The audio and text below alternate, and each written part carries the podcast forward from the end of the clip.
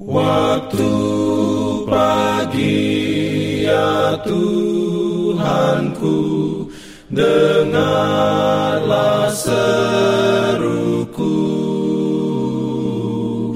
Melayang doa yang sungguh Memandang padamu. Selamat pagi pendengar Radio Advent Suara Pengharapan Mari mendengarkan suara Tuhan melalui tulisan pena inspirasi bersama Allah di waktu fajar. Renungan harian 27 Februari dengan judul Saling Mengasihi. Ayat inti diambil dari Efesus 5 ayat 2. Firman Tuhan berbunyi, "Dan hiduplah di dalam kasih, sebagaimana Kristus Yesus juga telah mengasihi kamu dan telah menyerahkan dirinya untuk kita sebagai persembahan dan korban yang harum bagi Allah. Diberikannya perlindungan dalam pimpinannya. Urayanya sebagai berikut. Kita tidak perlu memulai dengan mencoba mengasihi satu sama lain kasih Kristus di dalam hati itulah yang dibutuhkan. Ketika diri terbenam di dalam Kristus, kasih sejati muncul secara spontan. Dengan kesabaran kita akan menaklukkan. Kesabaran dalam pelayananlah yang membawa ketenangan bagi jiwa.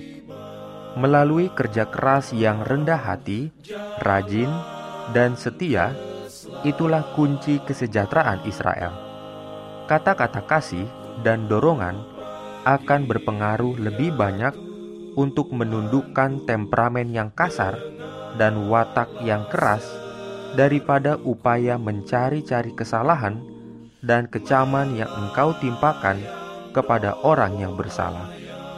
Pesan dari guru agung harus dinyatakan dalam rohnya. Satu-satunya keamanan kita adalah menjaga pikiran dan dorongan hati kita di bawah pengendalian Guru Agung, malaikat Allah akan memberikan pada setiap pekerja sejati pengalaman yang kaya dalam melakukan ini. Kasih karunia kerendahan hati akan membentuk kata-kata kita menjadi ekspresi kelembutan seperti Kristus. Selama setiap jam Kristus tinggal di bumi, kasih Allah mengalir dari Dia dalam aliran yang tidak dapat ditahan-tahan. Semua orang yang dipenuhi dengan rohnya akan mengasihi sebagaimana ia mengasihi. Prinsip yang mendorong Kristus akan mendorong mereka dalam perlakuan mereka satu dengan yang lain. Kasih ini membuktikan bahwa merekalah murid-muridnya.